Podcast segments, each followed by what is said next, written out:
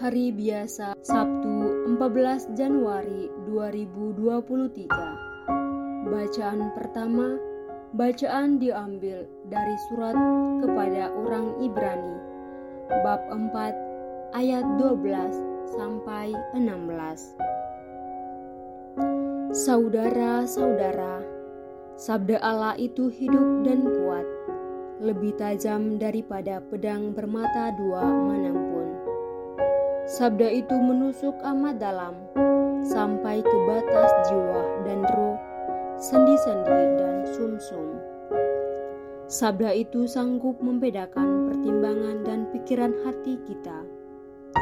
Tidak ada suatu makhluk pun yang tersembunyi di hadapannya, sebab segala sesuatu telanjang dan terbuka di depan mata Dia, yang kepadanya kita harus memberikan pertanggungan jawab. Kita sekarang mempunyai Imam Agung yang telah melintasi semua langit, yaitu Yesus, Anak Allah.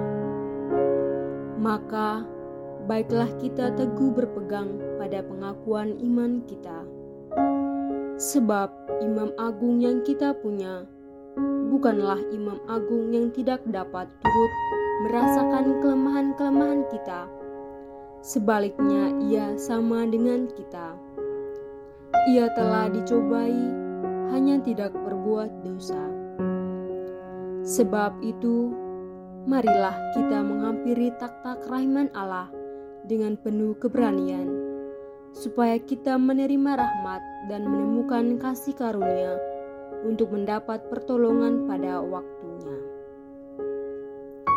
Demikianlah sabda Tuhan.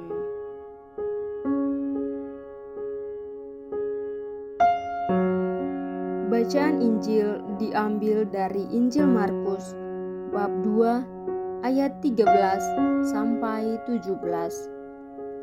Sekali peristiwa, Yesus pergi lagi ke pantai Danau Galilea dan semua orang datang kepadanya. Yesus lalu mengajar mereka.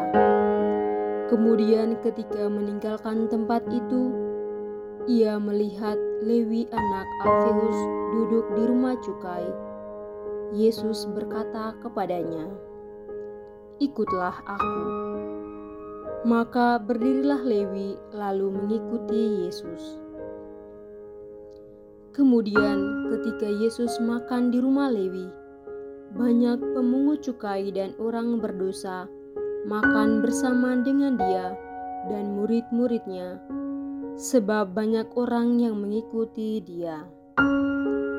Waktu ahli-ahli Taurat dari golongan Farisi melihat bahwa Yesus makan dengan pemungut cukai dan orang berdosa, berkatalah mereka kepada murid-muridnya, Mengapa gurumu makan bersama dengan pemungut cukai dan orang berdosa? Yesus mendengar pertanyaan itu dan berkata kepada mereka, "Bukan orang sehat yang memerlukan tabib, tetapi orang sakit. Aku datang bukan untuk memanggil orang benar, melainkan orang berdosa." Demikianlah sabda Tuhan.